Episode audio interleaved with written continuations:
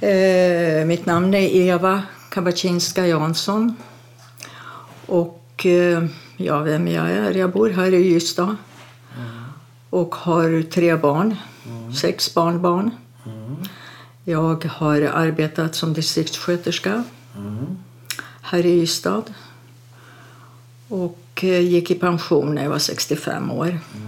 Så att jag, som jag brukar säga, en glad pensionär. Du är en glad pensionär. Du ser glad Ja, ja. Eh, var börjar din historia? Alltså min historia den börjar ju i princip i Ravensbrück för det är vad mamma berättade för mig. Mm. Vad berättade mamma? Och mamma berättade att jag föddes i Ravensbrück och eh, att det var svåra förhållanden. Och att jag klarade mig, eller att hon klarade förlossningen det berodde på att det var nästan slut på kriget. Och personalen som tog hand om de sjuka i så kallade revir, Ja. det var sjukstuga eller sjukhuset, de var ju rädda nu. Så att de såg ju till eh, de sjuka och de gravida lite bättre. Fick hon, Så att hon fick hon ju- hjälp med hon fick hjälp, förlös, ja. att, att förlösa dig? Att förlösa, för hon var kraftlöst själv. Hon orkade inte medverka i förlossningen. Nej. Det var det hon berättade. Så att jag drogs ut med tång. Hon, kunde sen- inte, hon, hon orkade inte Hon, krysta. Hon orkade inte krysta. Hur Nej. mycket vägde hon då? Hon vägde inte mycket alltså. Eh, Hon sa att när hon kom till Sverige så var- vägde hon 39 kilo. Och det är ju inte mycket. Och vad, vad he- heter din mamma? Hon hette Joanna Viroda Ja. när hon kom till Sverige. Det är efter första maken. Och varför hamnar hon i Ravensbrück? Hon bodde i Warszawa. Och eh, Warszawaupproret var ju i full gång. Det hade ju startat, eh, vad var det, första augusti 44. Ja. Var hon aktiv där? Det har jag aldrig fått reda på. Eller som jag fick veta också min far, biologiske far. Han hette Josef Danielik. Ja. Han var polis i Warszawa. Och eh, i och med att de bodde, det räckte ibland att bo i Warszawa. Eh, så ansågs man som eh, motståndare Ja. till eh, den ryska, vad säger jag nu, Tyska. tyska, armén, SS och Gestapo och Hur alltihopa. var det med din pappa, din biologiska pappa? Var han aktiv motståndsman? Jag vet inte riktigt hur det var med den saken. För jag har, jag har liksom inte, mamma pra, ville gär- inte gärna prata Nej, om det här. nej. Men vid något tillfälle så vet jag att hon eh, var utanför Warszawa och försökte få fram mat. Eh, någonstans utan någon by eller något, Ja. med någon mindre ort. Ja, Och då eh, la de maten runt kring sig. jaha. Och att påträffas på det viset, Ja. det var också med fara för livet. Ja. Och när hon stod där på stationen så kom ju SS. Och... Men hon lyckades klara sig. Så det var inte då hon greps? Då var hon modig Ja, på den tiden. jaha. Inte sen? Men eh, när hon sen bodde här i Sverige då var hon mer en eh, rädd, orolig person. Ja. Och det, det blev nästan värre med åren. ja.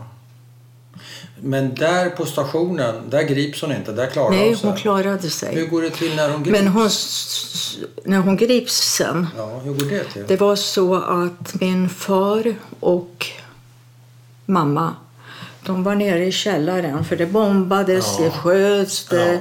de släpp, eh, vet du, det, brann överallt. Eh, så de beordrades att komma ut med vit flagg som det hette. Ja.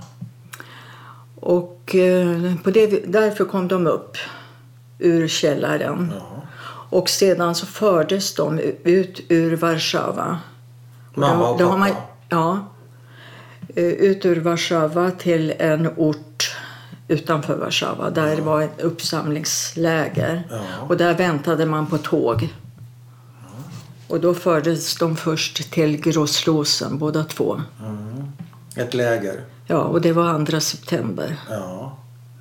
som de eh, alltså, beordrades upp och Ja. fördes vidare. Ja. Och, eh, Och där är de, tillsa- kommer, de kommer dit tillsammans. de kommer dit tillsammans men skiljs åt De skiljs åt i olika för baracker. att aldrig eller? mer se, ses mer. Och mamma förs den tredje till Ravensbrück. Och pappa? Och pappa han blir kvar i Grossrosen. Och vad händer där med honom? Och där får han äh, arbeta väldigt tungt med äh, sten... Äh, vad heter det man slår? Bryta sten kanske? Ja, bryta sten, ja. Mm. Vi har varit där, Leif och jag. Så vad händer då med honom? Han var kvar där till den 13 januari när lägret skulle tömmas. Jaha. För att allie, ryssarna närmade sig ju. Och då kom han till Flossenburg.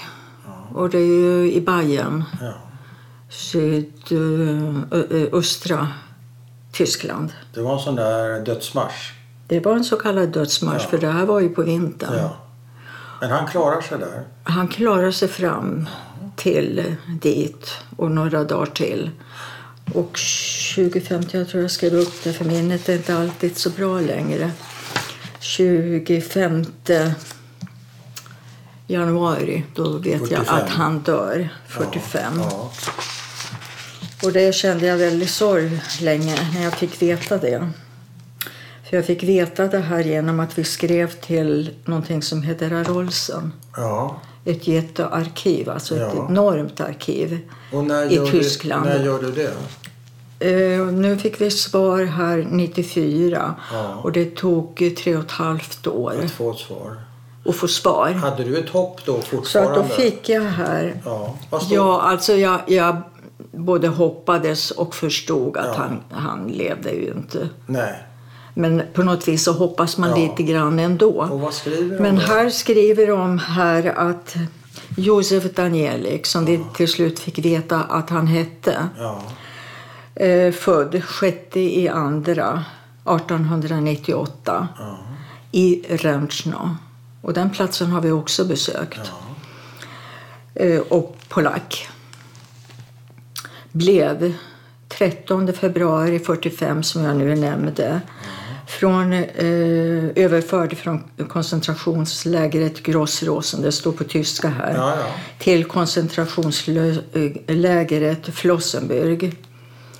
Och eh, he- eh, fångnummer eh, 49784 och blev där kategoriserad den 24 februari som förstorben. Och det är Död. väl död. Men eh, varför han dog, vilken orsak, om Nej. han blev mördad, alltså skjuten eller på annat sätt Ja. dödad eller om det var på grund av eh, hunger och de umbäranden sjukdomar. Det, det vet jag inte och det har inte gått att få fram.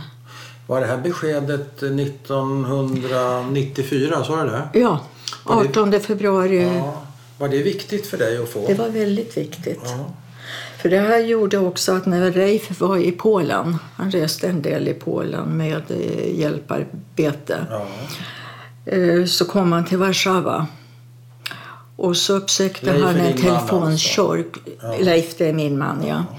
En telefonkiosk och tittade i en telefonkatalog. Och där hittade han namnet Danielik. Och bland annat Kristina. Ja. Och det namnet tog han med sig hem med adress och telefonnummer. Och så började det. Att jag kunde börja få veta lite mera. Och du visste inte innan dess eh, Nej. din bakgrund? Nej, jag visste. Mamma hade berättat att min biologiska far hette Josef Ja. och att han var polis. Men inte efternamn? Inte efternamn, för när jag frågade henne sa hon att hon inte kom ihåg det. Men det tror jag att hon gjorde. Och vet du hur de träffades? Omständigheterna? Hon berättade någon gång, eh, alltså man kunde plocka ur henne lite, lite grann. Ja. Och det liksom la jag på minnet. Ja. Hon berättade att de träffades hos goda vänner på, under en middag. Ja. Och det var nog så det började. ja. Mm.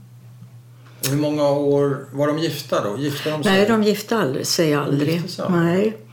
För mamma blev änka, hon gifte sig första gången 38, blev änka 39. Och jag fick av en moster ett fotografi, ett bröllopsfotografi. Och hon sa ingenting för jag frågade om det fanns något foto på min mamma och min biologiska Ja. far. Hon kom med det här fotografiet. Så underförstått var, skulle det vara min far. Men jag tittade många gånger på det här kortet och jag tänkte nej, det är något som inte stämmer här. Och när vi då en gång var i Polen och letade rätt på graven då såg vi att han var ju död redan 39. Ja. Så att det var ju inte min biologiska far. Nej. Så att jag, eh, hur kunde jag känna på mig det? Det vet jag inte. Men det, det var något som inte stämde. Men har du idag ett foto på din pappa? Biologiska, ja. Ja, du har ja, det har jag. Här. Oj. Är han eh, armén? Han var polis. Han är polis, ja. Okej, Ja. det är hans uniform och så är det medaljen. Men jag vet ju också, jag har ju fått veta att han deltog i eh, eh, vad heter det, mm, befrielsekriget ja. mellan 1918 och 20 i Ja. Polen. Snygg Det kille. vet jag, så det har jag också ett foto Hur har du fått det här fotografiet? Det har jag fått av min bror, för han hade tre söner. Jaha. Så tack vare det här att vi fick, Sen tidigare? Sen tidigare, ja. Han var gift och Så hade honom tre söner. har du... Honom har du hittat och, och haft kontakt med din bror? Den brodern, ja. För i och med att vi fick det här Ja. adressen och telefonnumret Ja, så så ringde jag henne och frågade mig. Jag, jag presenterade mig Ja. naturligtvis och sa vem jag var Ja. och vad jag hade för ärende och så. Jag sökte familj som tillhörde Ja. Danielik-familjen. Ja. Men det stämmer, min man var en av sönerna till Josef. Men han är död, sa hon. Och tänkte jag, då får jag inte veta någonting. Ja, men kanske finns någon annan, sa jag. Jo, han finns i Påsk. Det är norr om Polen. Och efter ytterligare en vecka så ringde jag och frågade henne om, om hon ville följa med oss dit. Jaha. För jag tyckte det kändes bra att ha någon med. Ja, så vi åkte och hämtade henne först och i Warszawa och åkte dit med um, henne då. Hur var det mötet? Med, den, Alltså, med din bror? han hade fått ett telegram från Kristina Danielik att det finns ett herrskap, man säger så i, i Polen, Ja. att, eh, som vill träffa dig. Och de kommer från Sverige. Och det satte ju myror i huvudet på honom och han började ju tänka och Visste Så att han var ju lite förberedd när vi Visste han kom. att du existerade? Så att han, nej, inte innan. Eh, Men när vi träffades, så första han frågade mig, är du född i Ravensbrück? Så det hade han tänkt till. Och jag svarade ju ja, att det var så. Ja. Men det var ett otroligt möte. Alltså, Det var ett så glädjefyllt, eh, lyckligt möte. Ja. Mm. Att äntligen få träffa någon. Och då en bror, då jag, eh, halvbror, men ändå. Mm. Så vi fick väldigt bra kontakt. Vad heter han? Han heter Valdemar. Valdemar. Och han deltog i Warszawaupproret. Okej. Så han blev skadad, eh, dels i lungan och dels i eh, armbågen. Så han Ja. hade en stel armbåge. Ja. Så han berättade ju om det bland annat. Han berättade väldigt mycket.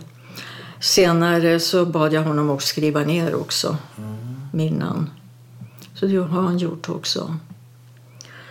Så det här beskedet Ja, 1994, det har betytt mycket för dig? För det, det har fram... betytt väldigt mycket. Dels har jag ju fått fotografier. Ja. Så, för jag tänkte mig att om jag åtminstone fått så Ja. litet foto och se hur han ser ut. Vad tänker du när du ser bilden på din Alltså pappa? det, det finns ju likheter. Ja, det gör det. Det gör det ju absolut. Så att ehm, här tittar jag ju på honom på ett helt annat sätt än det tidigare kortet. Med mammas första man. Ja. Så är det. Så att ehm, ja, jag har fått veta en hel del. Han flydde ju från... eh, Han bodde i Grodno. Det var då östra delen av Polen. För att när eh, kriget startade i Polen, Mm. första september, tyskarna välde in Mm. från väster Mm. och från öster 17 september kommer Sovjetunionen med sin armé Mm. och anfaller Polen. Mm. Då flydde han när de närmade sig till Warszawa för han visste att som polis så hade han blivit mördad Mm. direkt. Och du har väl hört talas om Katyn-morden? Mm. De polska officerarna Ja, som mördades av... ja, Ja, ryssarna skyllde väl på tyskarna men det var ju inte sant. det var inte sant. Nej, det visar ju sig så att det var Det var ryssarna.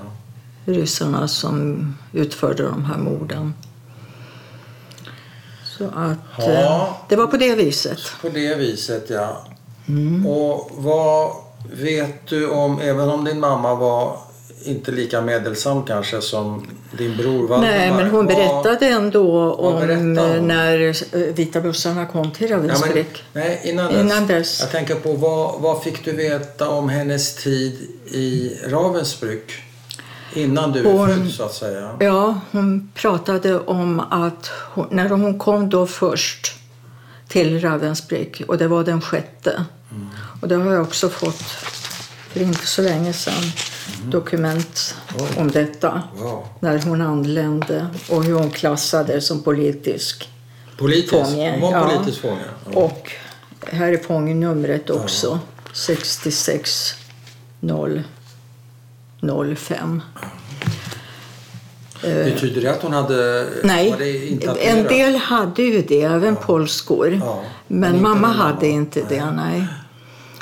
Ehm, hon pratade ju om när de fick stå på appellplatsen i de här tunna klänningarna Ja, utan underkläder. ja. Eh, och de kunde få stå i timmar i ur och skur. Ja. Och det beskriver den här författaren också. Ibland då 8-12 timmar. De fick inte röra på så mycket heller för då kunde de bli skjutna direkt. Att stå på det viset och i träskor som kanske inte alls passade, kanske var alldeles för stora. Eh, ingen mat då. Men när man fick mat så var det ju en, det var lite kaffe och en skiva bröd på morgonen. Och sen var det soppa som middag med lite potatis, några potatisbitar eller kål. Eh, Det var ju allt.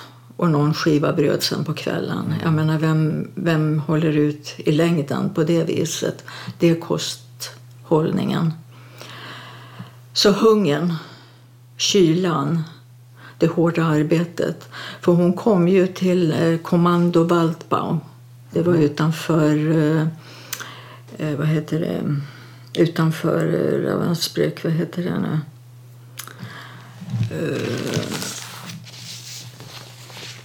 Neubrandenburg tror jag det hette. Och det var på kvällen och barackerna var inte ens klara. De var under uppbyggnad. Och de fick gå alltså många timmar barfota.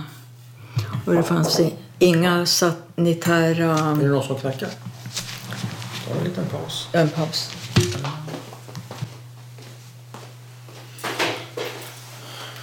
Eh, Mamma kommer Vi till pratar om Ravensbrück. appell, va?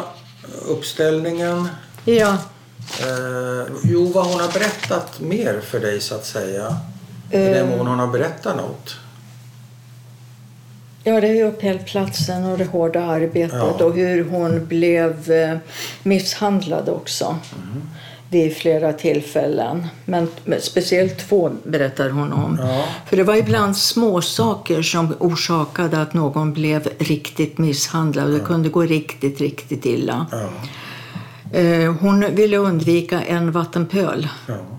Då kom en SS-man rusande och knuffade till henne så att hon föll. Och en eh, schäferhund ställde sig på hennes rygg och grep tag och ruskade henne hårt. Och SS-mannen slog med en sån här eh, käpp på benen. Och eh, hör och häpna, det var en SS-kvinna som eh, räddade henne från fortsatt misshandel. Men det var bara det att hon ville Ja. alltså, gå förbi den här ja, du sa att det var två För det var ju trä, ja, och det var något liknande. Ja. Mm. Eh, Vid ett annat tillfälle berättade hon ju att när hon skulle upp tidigt på morgonen, hon hade, eh, då eh, hade hon en gång på sig papper, tidningspapper för att skydda sig mot kylan. Då gick det bra, men en annan gång så gick det inte bra. Men då hade hon drömt. Hon sa hon hade drömt. Ta inte på dig varken tidningar eller filt under. Nej. Så hon, hon gjorde inte det. Nej. Och det första en SS-kvinna gör på appellplatsen det är att rusa fram till henne och börja riva i kläderna. Och då hade hon ingenting, för det, det var, var- hårda straff. Och det var förbjudet? Det var förbjudet, det var hårda straff. Ja. Vad har hon berättat om sin graviditet och hur, hur det var att vara Själva gravid? graviditeten som så, hon upptäckte själv den inte förrän hon var i Ravensbrück, tror jag. Och eh, det var först lite senare. Och sen framåt eh, sjunde månaden någonting, då, då kunde hon inte dölja den. För Nej. innan gjorde hon allt för att dölja Ja. graviditeten. Hur gör man det? Ja, raka klänningar, vida klänningar. Att man kanske blir lite kraftig. Eh, Så på det viset. Och vad händer då när, när det inte går att dölja graviditet? Då eh, kom hon till en speciell gra- eh, barack för gravida. Hon kunde ju inte jobba längre. Nej. Och i och med att kriget närmade sig slutet Ja. så mördades varken hon då eller jag Nej. under graviditeten. Men hade det varit tidigare? Hade det varit tidigare så hade det gått illa. Men när hon, Det hade det. har hon berättat någonting för dig när hon upptäcker sin graviditet? Om det är en hjälp för henne, det vill säga nu ska jag hålla mig vid liv, nu har jag ett annat Det barn att sa ta hand hon om. aldrig, nej. Eller var det en belastning? Nej, det sa hon aldrig. Har du någon känsla för hur det kan ha varit för din mamma? Det kanske Jag tror, förstår du, att den här enorma stressen för en kvinna som är gravid under sådana förhållanden, där hon är rädd dag efter dag för att bli skjuten eller mördad på annat sätt, misshandlad, bli utan mat, hamna i straffbunken, eh, mycket annat. Stressen och eh, rädslan, det tror jag var dominerande. Faktiskt. Därför att hon kände sig mer utsatt som gravid? Det Eller? skulle jag kunna tänka mig. Det skulle jag ju kunna tänka mig. För det, för det tror jag man är. Ja. Absolut. Är det någonting mer som du vet hände henne eller som hände dig efter att Eh, du Det var född en, innan ni... eh, hon berättade om en väninna, en väldigt god väninna. De hade blivit kallade ut till en lastbil som skulle köra de här kvinnorna någonstans. Men den blev så full, mamma var den sista och hon fick inte plats helt enkelt. Så hon blev kvar och hon var så ledsen för att hon inte kom med. Men det var nog bra. För de eh, mördades förmodligen, de som åkte iväg i, i den här lastbilen. De kom inte tillbaks. De kom inte tillbaks. Det gjorde de inte. Och sådana där eh, lastbilsfärder, det skedde ju ofta. Vet du någonting om hur, hur ditt liv de tre första veckorna var? Vem, vem, Hon vem sa, så här, hon gav sa dig- flera gånger att en vecka till, Ja. det hade vi inte klarat. Varken hon eller du? Hon eller jag. Nej. Vem gav dig mat? För hon hade väl ingen mamma, mjölk? hon hade lite mjölk. Hon hade mjölk. Hon hade lite mjölk. Det hade hon. Hur mycket vägde du när du föddes? Har ingen aning. Hur mycket vägde du när du kom till Vet Sverige? inte. Vet du hur du såg ut? Ehm, Det finns ett foto taget lite senare. Här. Ja, men titta. Är det mamma? Det är mamma och jag. Ja. Och det Är det i är, Sverige? det är i Sverige, i Landskrona. För vi vårdades där. Så det är den första här i Sverige, den första bilden Ja, på jättefin bild oss. på er. Vad kan du berätta om eran räddning? Räddningen det var ju så att um, vita bussarna kom. Och eh, det hette att eh, hon sa att det var de sjuka och kvinnor med barn som fick följa med. Och eh, så började ju färden därifrån. Mm. Och jag vet ju att ehm, jag hörde kommentarer på, efter filmen Hoppets hamn att en del såg så välklädda ut. Ja. Ovanligt välklädda. Ja. Men eh, det har jag också läst att, eh, och jag har tänkt till själv att det måste ha berott på att nazisterna lät kvinnorna att klä på sig något annat när de skulle åka iväg. Men var inte Ravensbrück befriat? Var, var inte Nej, det... inte ännu. Inte ännu? Nej, Okej, så ni räddas Nej. undan? vi räddas undan. Det Okej. gjorde vi. Och det var i sista stund som mamma sa. En vecka till. Ja.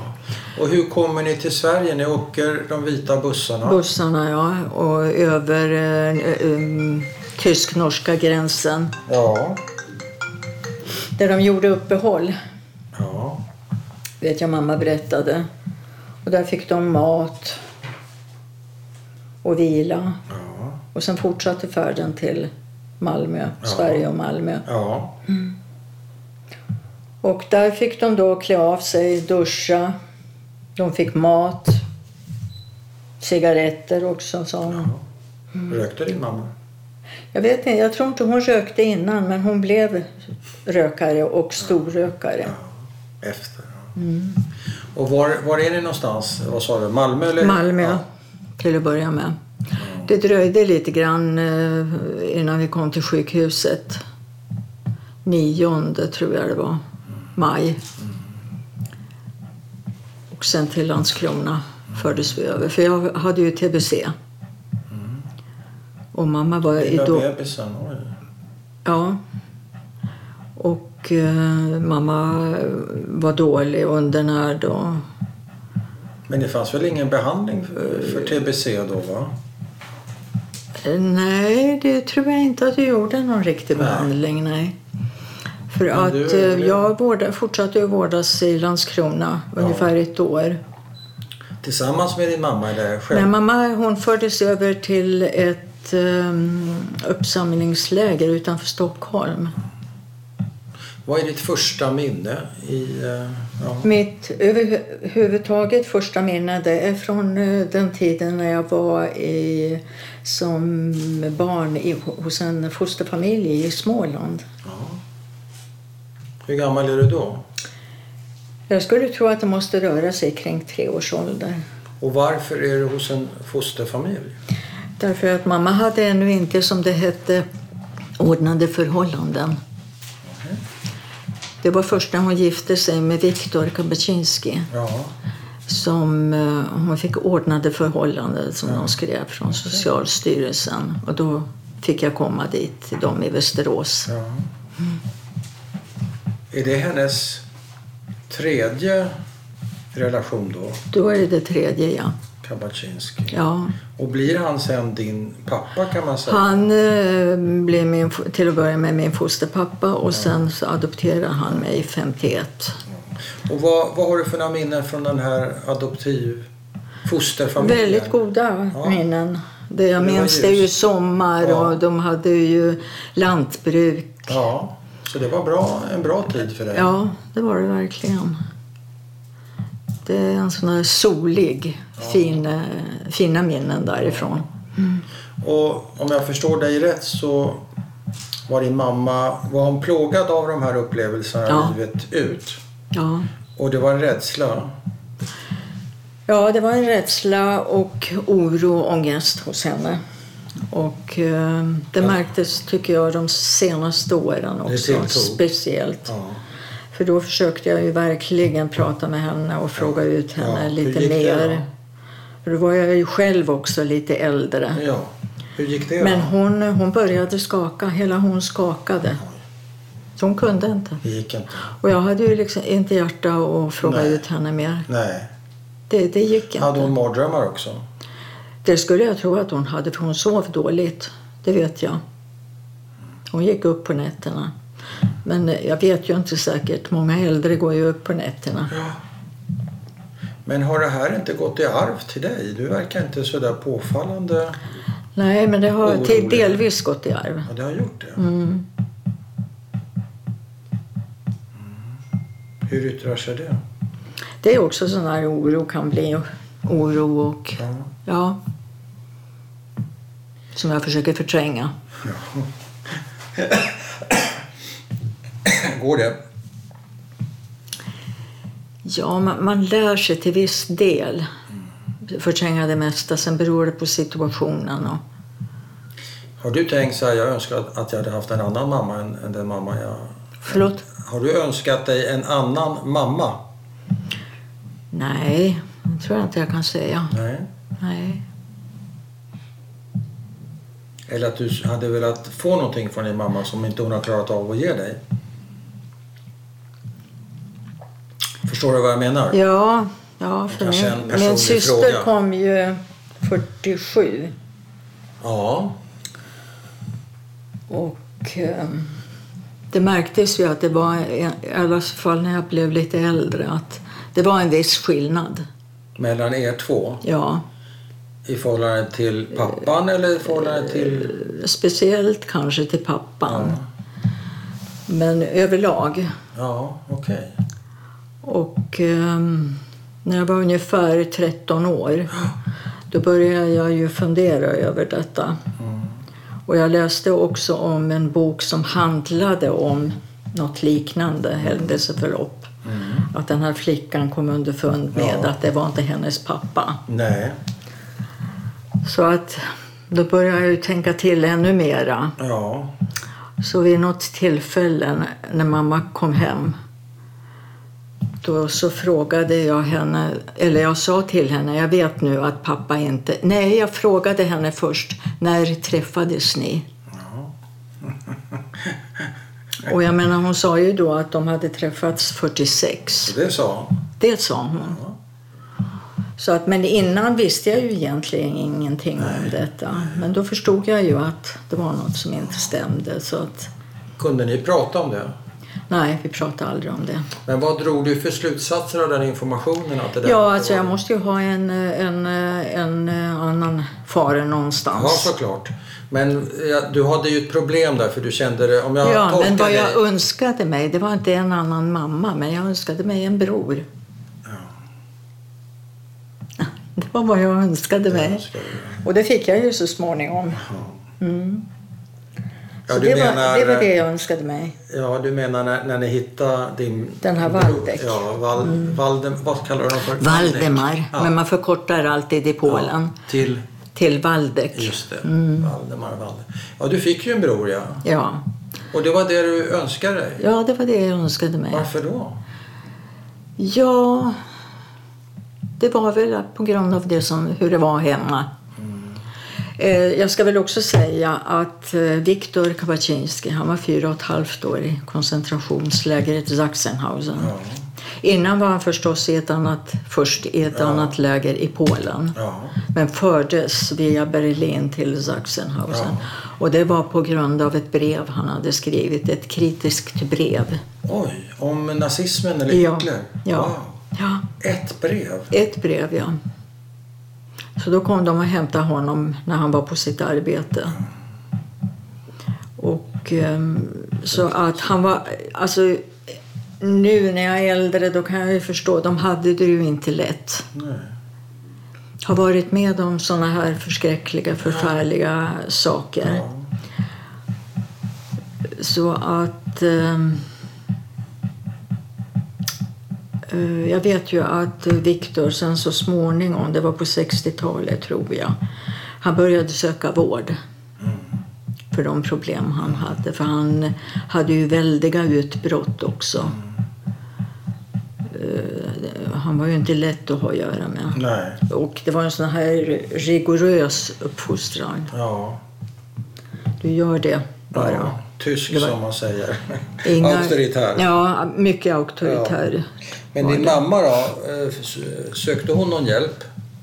Nej, det tror jag inte. oro? Utan hon sökte mer för sina eh, fysiska besvär. Ja, det tog, kom Ja. den vägen. Ja, det gjorde hon. Så att... Eh, ja. Har, du, har du, drömmer du någonting om din barndom eller din pappa till exempel? Eller Nej, inte. Kriget? Nej. Eller? Eh, ett tag, eh, jo jag ska säga så här att ganska länge så drömde jag om, inte om själva kriget, Nej. men att soldater jagar mig och Jaha. jag sitter på tåg Ja. och de närmar sig. Ja. Det var någonting som jag drömde. ja. Det Och det var först, samma dröm? Ja, och det upphörde först när vi hade flyttat hit ner. Den återkom. Jag, vet, jag kommer inte ihåg om det var varan, varan, varenda natt. Det kanske Men jag inte gjorde. När Men flyttade ni ner till Ystad? Vad är koppling- 70. Och vad är kopplingen? Att, att det, Att det försvann? jag vet faktiskt. Jag, fick, jag blev med barn här. Ja. Nej, det var i Oskarshamn. ja. Barn. och så flyttade vi hit när Ja, Marcus ja. var Men då liten. släppte det? Då släppte det. kanske var en kombination av barn och flytt? Ja, på något vis. Mm. Det var det. Stress, stressigt. Mm. En stressdröm. Ja, det var det. För e- eftersom den kom, återkom. Den försvann inte bara, utan precis som jag säger. Men den fick någon slags förlösning i alla fall. Det släppte. Ja, det verkar så. Ja, skönt. Eh, vi pratade lite här innan vi satte på bandet, höll jag på att säga. Det är ju en dator. Men kom vi in på Auschwitz och då hade du någon intressant reflektion att det är inte så många som känner till Ravensbrück och du var nästan lite sur på det verkar det som. Vad- Berätta hur... Jo, alltså, känner du för det? eh, Jag har ju varit med det flera gånger att eh, när jag har kommit in i samtal och de frågar mig om du är född i Polen. Nej, säger jag då. Jag är född i Ravensbrück. Ja, men var är det någonstans? Vad är det för någonting? Ja. Så det har jag varit med om eh, rätt många gånger. Hade du hellre velat vara född i Och jag Auschwitz? menar, Auschwitz skrivs ju Ja. och är på tv Ja, titt och tätt. ja. Men när händer det att man pratar och berättar om Nej, Ravensbrück? sällan. Men det förekommer. Men sällan. Ja, men det är mycket, mycket, mycket Mycket, sällan. Hade du hellre, hellre velat varit född i Auschwitz menar du? Nej då, inte alls. Men det är en reflektion du gör. Men det var ju, på slutet var det ju en hel del kvinnor som kom från Auschwitz. De forslades ju fram och Ja, tillbaka ja. mellan de här lägren. Just De kom från Auschwitz Ja. till Ravensbrück. Ja, precis. Så det Det var väl när man tömde Auschwitz och... Ja, och de Men- räddades ju av Men so sovjeterna. Ja. Men en sak som jag är nyfiken på det är ju din relation till andra överlevande eh, judar.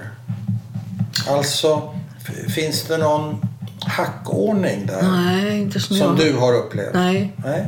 jag inte. Eh, inte ens i Västerås alltså när eh, vi bodde. Pappa arbetade på ASEA-stan som det hette. Han arbetade i ASEA och, och vi bodde på sådana här eh, läger som egentligen var gjorda för eh, de som arbetade Okej. på ASEA. Ja. Eh, Då bodde vi i, ett, i en eh, uppgång. Här i den andra mittuppgången bodde en judisk familj. ja. De hade två flickor och vi var två flickor. Och i ett annat hus här fanns ytterligare en judisk familj och lite längre bort. Eh, mamma var ofta i kontakt med de här kvinnorna umgicks och pratade. Mm. Och vi barn umgicks också och lekte. Och då, jag kan inte eh, komma ihåg att det skulle ha varit någon hackordning alls. Nej. Ehm, Du har aldrig upplevt och jag vet att så fort vi träffade någon när man var ute och gick och pappa var med, för det var oftast han var, som var ute och gick med oss. Ja. Och vi träff, påträffade judiska familjer, stannade och pratade Ja. och det var hur bra som helst. Jag märkte aldrig någonting. Nej. Nej. Vad skönt. Och eh, jag frågade mamma också om hur det var i Warszawa, om det var Mm. något speciellt eh, alltså gentemot judarna och så. Hon, hon sa aldrig någonsin någonting. Det gjorde hon inte. Så och hon sa att eh, hon berättade att det fanns judiska familjer som inte ens visste om att de var judar. Helt enkelt. Precis. Så jag tror att de umgicks ganska mycket. Ja. Svår fråga. Vad skulle du säga är förintelsens läxa för dig? Förintelsens läxa för mig det är att det aldrig återupprepas. Aldrig någonsin. Men som det ser ut i världen så vet vi ju inte hur det blir. Nej. Det är precis som att minnet är väldigt kort. Men av Ravensbrück så vi var ju där eh, 70-årsdagen. Ja, okej. Vi blev inbjudna dit, Leif och jag. Ja. Så vi åkte dit. Så där har man ju gjort eh, museum. Gjort Fint. väldigt mycket fint av det. Med in, mycket information. Ja. Hur nazisterna bodde till exempel visar man upp. Jaha, okej. Och där borta fanns alla, lä, hela lägret med Ja. de utmärglade, hungrande Ja, kvinnorna. Ja. Ja, Ofattbart. Och jag menar, hur, hur kan man bara leva där uppe någonstans och anse sig vara för mer Mm. och sen kunna se ner på dessa stackars kvinnor?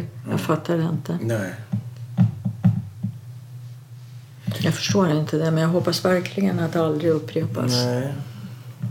Det är inte lätt att förstå det som inte går att förstå. Exakt.